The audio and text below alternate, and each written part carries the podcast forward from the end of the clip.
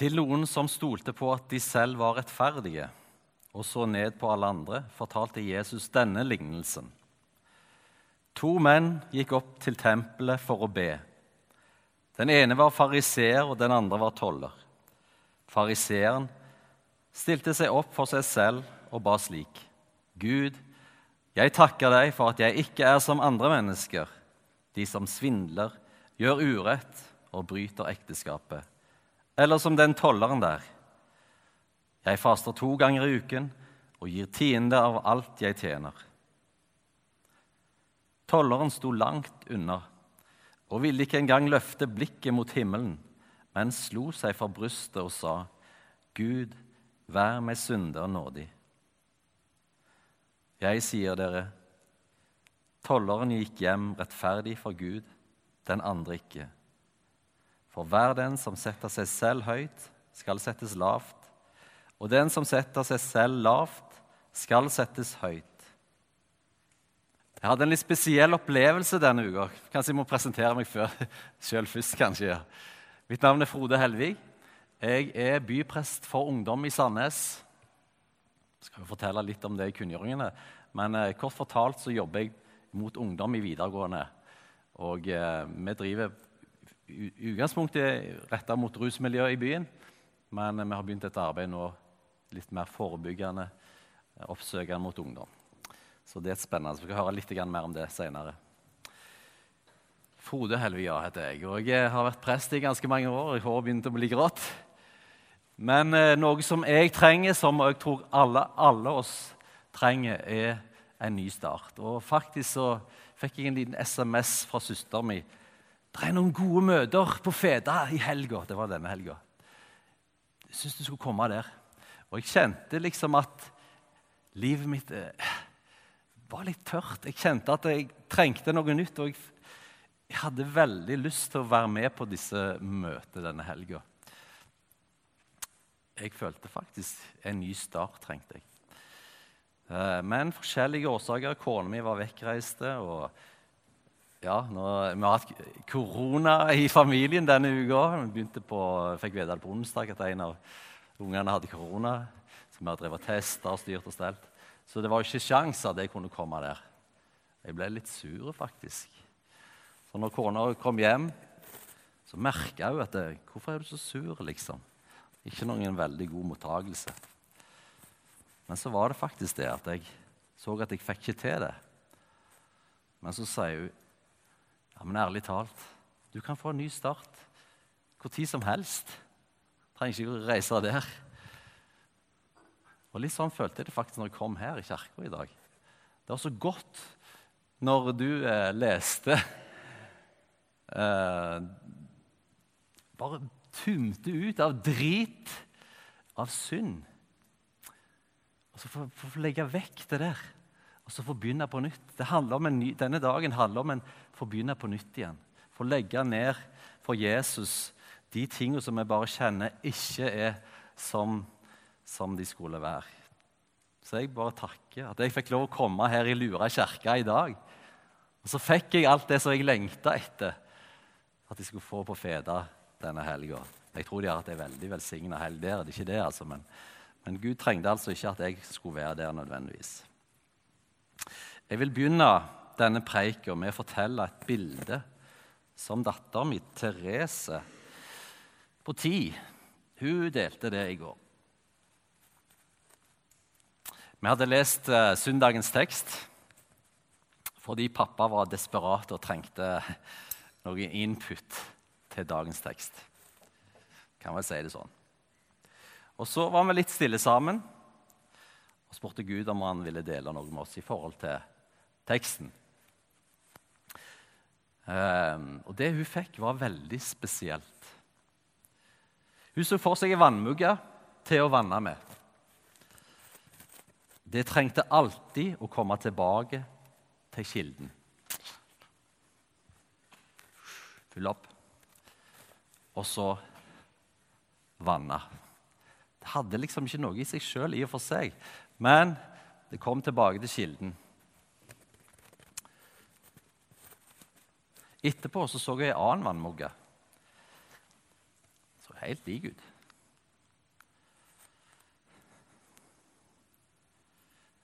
Den var blitt til en vase med blomster i. I begynnelsen så var vannet friskt og fint, men etter hvert når vannet ikke ble bytta ut, så begynte det å lukte vondt. Og dere har sikkert eh, hatt noen sånne blomster hjemme som har stått litt for lenge. Og så når dere skal hive det uh, uh, Det lukter vondt. Det har iallfall jeg gjort. Opplevd.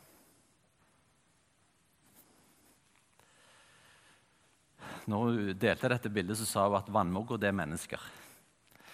Og det er vannet det er å komme til Gud, ta det som han har, og dele ut til andre. Det er 2000 år siden Jesus fortalte historien om fariseeren og tolleren. Og ting har forandra seg på 2000 år. Vi har veldig forskjellige følelser knytta til ordet fariseer. For det fariseer var jo en viktig person i denne teksten. Hvis du hadde en sønn som var fariseer, eller en sønn som forberedte seg til å bli en fariseer Dårlig eksempel, kanskje.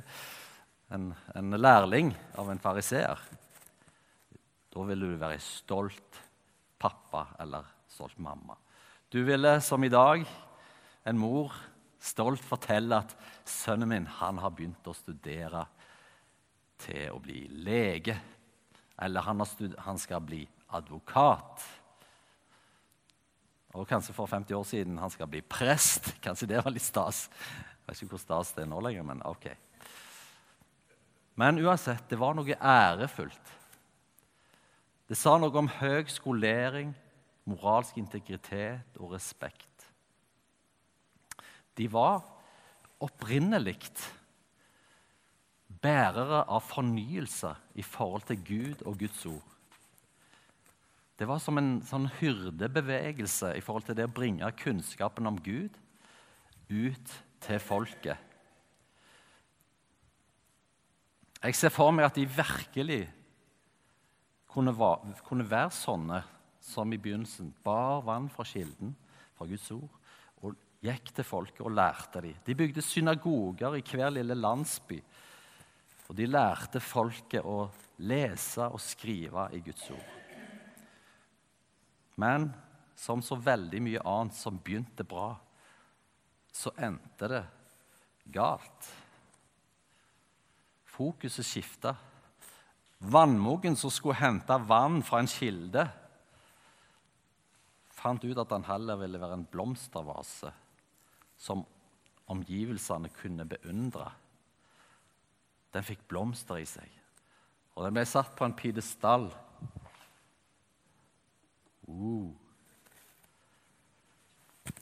Som omgivelsene kunne beundre, ja. Så sto de der og skinte. Se på meg. Og merka ikke for at hver dag som gikk, ble vannet dårligere, og blomstene ble mer og mer visne.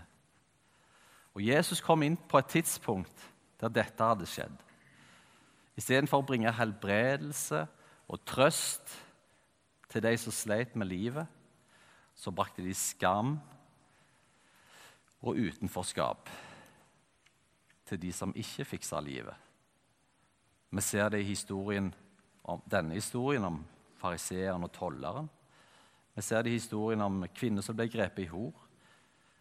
Vi ser det i historien da Jesus spiste med tollere og syndere, ifølge fariseerne. De ville at Jesus du burde ikke gå sammen med dem.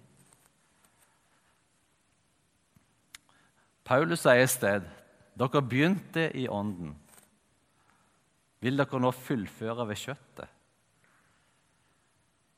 Paulus advarer faktisk mot det samme som skjedde hos fraiserene.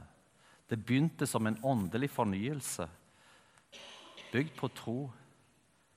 Men så fikk det fokus på lovgjerninger og egne prestasjoner. Se på meg. Wow, jeg får det til. Jeg er iallfall ikke så ille som mange andre. Det fins de som er verre. Selvrettferdigheten er noe av det mest ubibelske som fins.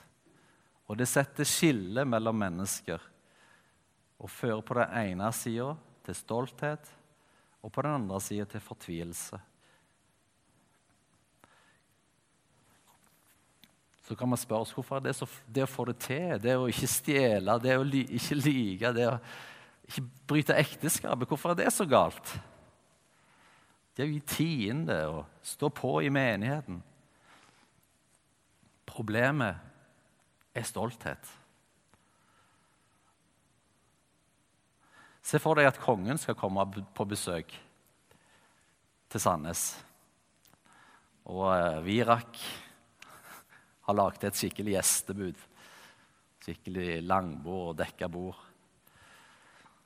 Og så kommer der en fyr. Og så setter seg på kongen sin plass. Hvor flaut er det? Eh, flytt deg. Dette er kongen sin plass. For en gedigen flause.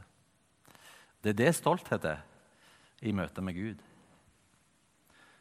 La oss gå litt til lignelsen som, eh, som Jesus fortalte. Hva er tempelet? Jo, tempelet. Jo, hva var tempelet? Det er jo ikke der lenger. Det var et bønnens hus. Det er sant. Men det viktigste som skjedde i tempelet, det var sonofringene. Lammet som ble ofra, og blodet fra lammet Lammet ble ofra, og blodet fra lammet ble en gang i året båret fram inn i det aller helligste som et offer for å gjøre soning for hele folkets synder. Yom kippur, som, de, det heter i Israel. Denne store forsoningsdagen.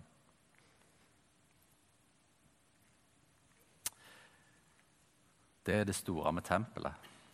De fikk rettferdighet, det vil si rett stilling framfor Gud gjennom offeret. Det var ikke gjennom å ta seg sammen eller gjøre noe. Og Det ble veldig godt illustrert på denne dagen hvor lammet ble ofra. Det, eh, liksom, det er mange lover og regler som står i Det gamle testamentet. Men på den store soneofferdagen, jom kippur, så står det at de skulle gjøre ingenting. Null, niks. Det var strengt forbudt å gjøre noe. De skulle ikke engang reise opp til Jerusalem. De skulle bli der de var. Men den som skulle gjøre noe, det var ypperste presten. Han skulle gjøre en masse ting. Han skulle gjøre alt, egentlig. som skulle til for oss å ofre. Og det blir et veldig sånn sterkt bilde på Jesus.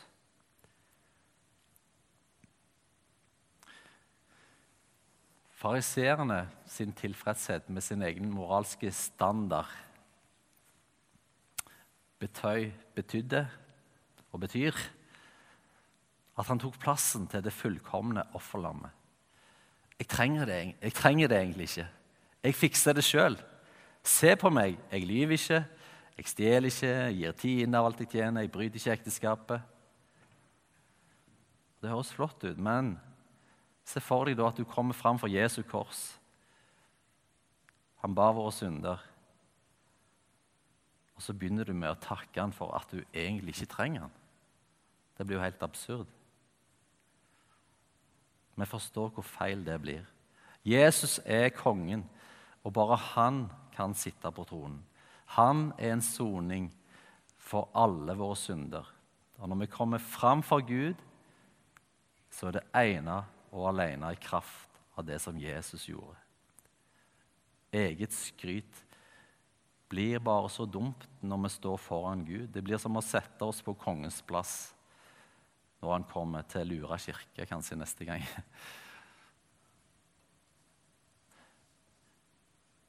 Det var dumt. Men det var en som fikk S og meget pluss. Jeg vet ikke hvor har den strofen fra, men jeg tror det er sånn S og meget pluss. Tror det er en sang i denne lignelsen. Det var en som gikk rettferdig hjem En som gikk hjem med en gjenoppretta relasjon til Gud. Vi leste at det var synden som skiller oss fra Gud. Og Veien til å opprette relasjon går ikke gjennom å ta oss sammen. Ikke gjennom å komme fram for Gud og vise han alt det fine vi har gjort. Det er ikke det, det vektskålprinsippet der vi gjør mer håper at vi gjør mer gode gjerninger enn onde gjerninger.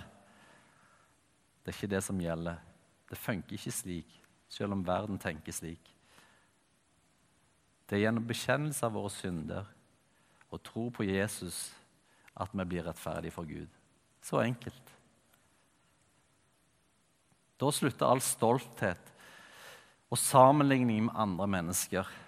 Da bringes vi på samme nivå og utgangspunkt i møte med Gud og med hverandre. Salige er dere fattige, sier Jesus i, i bergpreken. Himmelens rike er deres. Én gikk bort rettferdig for Gud. Guds rike ble gitt til tolleren, mens fariseeren fremdeles sto utenfor Guds rike. Det finnes altså ei dør inn i riket som vi, må gå gjennom. Og den går gjennom offerlammet. Og vi kan aldri, og vi må aldri, ta offerlammets plass, sånn som fariseeren prøvde å gjøre. Alt skryt i møte med Gud er utelukket. Paul sier, sier det rett ut i Romerbrevet 3.27. Hva har vi da å være stolte over? Ingenting, sier han. Hvilken lov sier det? Gjerningens lov? Nei, troens lov. For vi hevder at mennesket blir rettferdig ved tro uten lovgjerninger. Og dette er de gode nyhetene. Du kan i dag finne ei åpen dør inn til Gud. Om syndene dine er som purpur, kan de bli hvite som snø. Det minner oss kanskje på en viss sang. Alf Prøysens vise du skal få en dag i morgen som ren og ubrukt står, med blanke ark og fargestifter til. Blanke ark, hvitt ark, helt nytt.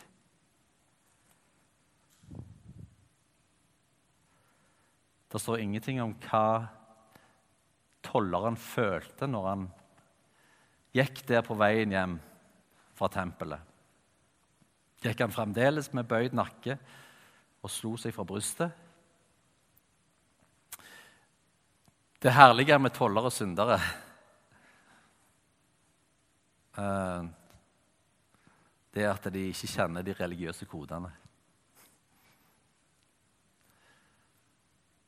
Jeg tror ikke han gikk hjem og slo seg for brystet. Det hadde vært det religiøse uttrykket. Han burde jo det. Men jeg tror han følte seg glad. Jeg tror han følte seg kjempeglad og hoppte av glede.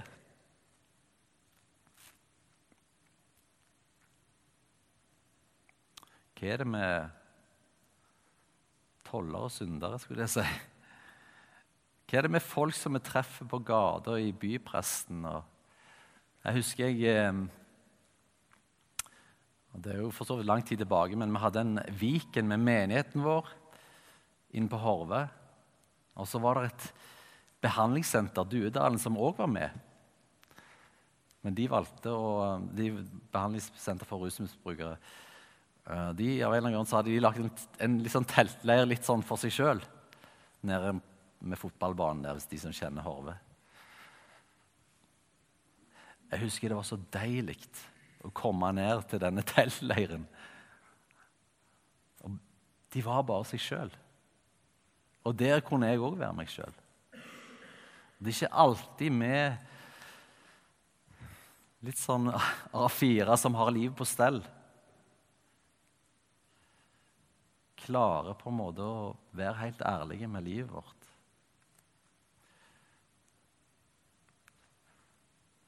De som gjerne ikke har noe å skjule, som vet at de er syndere, som vet at livet ikke funker, som vet at jeg jeg går på Nav, jeg klarer ikke å holde en jobb, jeg får ikke til livet på mange områder, jeg er skilt. De har ingenting å behov, gjerne, for å sette en fasade. Så kan, kan gjerne si livet som det er. Jeg er veldig takknemlig for å få lov til å jobbe i bypressen. Sette meg ned på benken og ta, slå av en prat.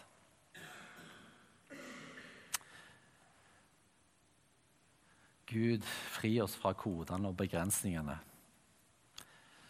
Ja, ja, han der tolleren roer seg nok.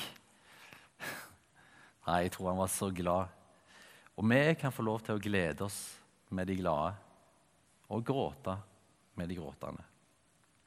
Og Jeg tror vi trenger hverandres vitnesbyrd hvis vi har fått oppleve noe med Gud. Vi trenger å være sånne som tar med oss livet vårt til kilden, som er Jesus, som er Guds ord, som er det å komme på gudstjeneste, som er det å søke Han. Fylle opp og gå ut og dele til våre omgivelser. I dag er det bots- og bededag. Jeg har forstått det sånn at det er først i de senere hundre årene at denne dagen ble en sånn fastsatt dag i kirkeåret. Nå har vi bots- og bededag. Før var det mer en flytende en dag man kunne kalle menigheten inn til i kriser. Når man på en spesiell måte trengte å søke Gud sammen fordi man bokstavelig talt var i nød. Det kunne være krig, det kunne være hungersnød, eller det kunne være pest pandemi. Det å ydmyke seg for Gud i faste og bønn, det er et kraftfullt redskap for oss som tror. Alene eller sammen med andre. Jeg hørte en historie om London, og den ble bomba av tyskerne under krigen. Da satt ikke kirkene passive og fikk bomben i hodet. Nei, de søkte Gud. De kalte sammen. De hadde bønnemøter, de fasta.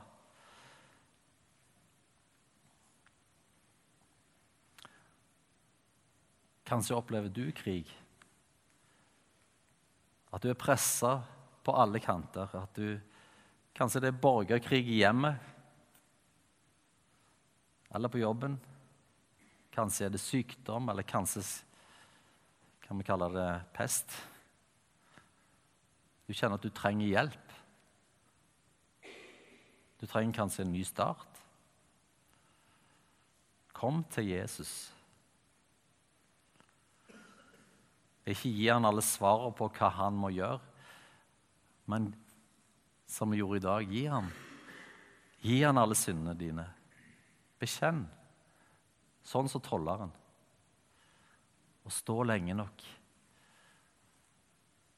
for hans troende til at du ser at du er tilgitt.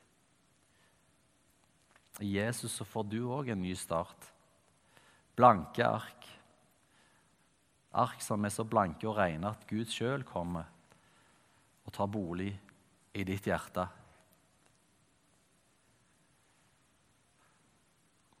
For livet er ikke slutt i det, i det det begynner. Det er da det begynner. Bli hos Jesus og bli stadig fylt av Den hellige ånd. Og så går du ut, og så deler du med andre det du har fått. Det er mange som trenger deg. Det er mange som trenger lura menighet. La oss be.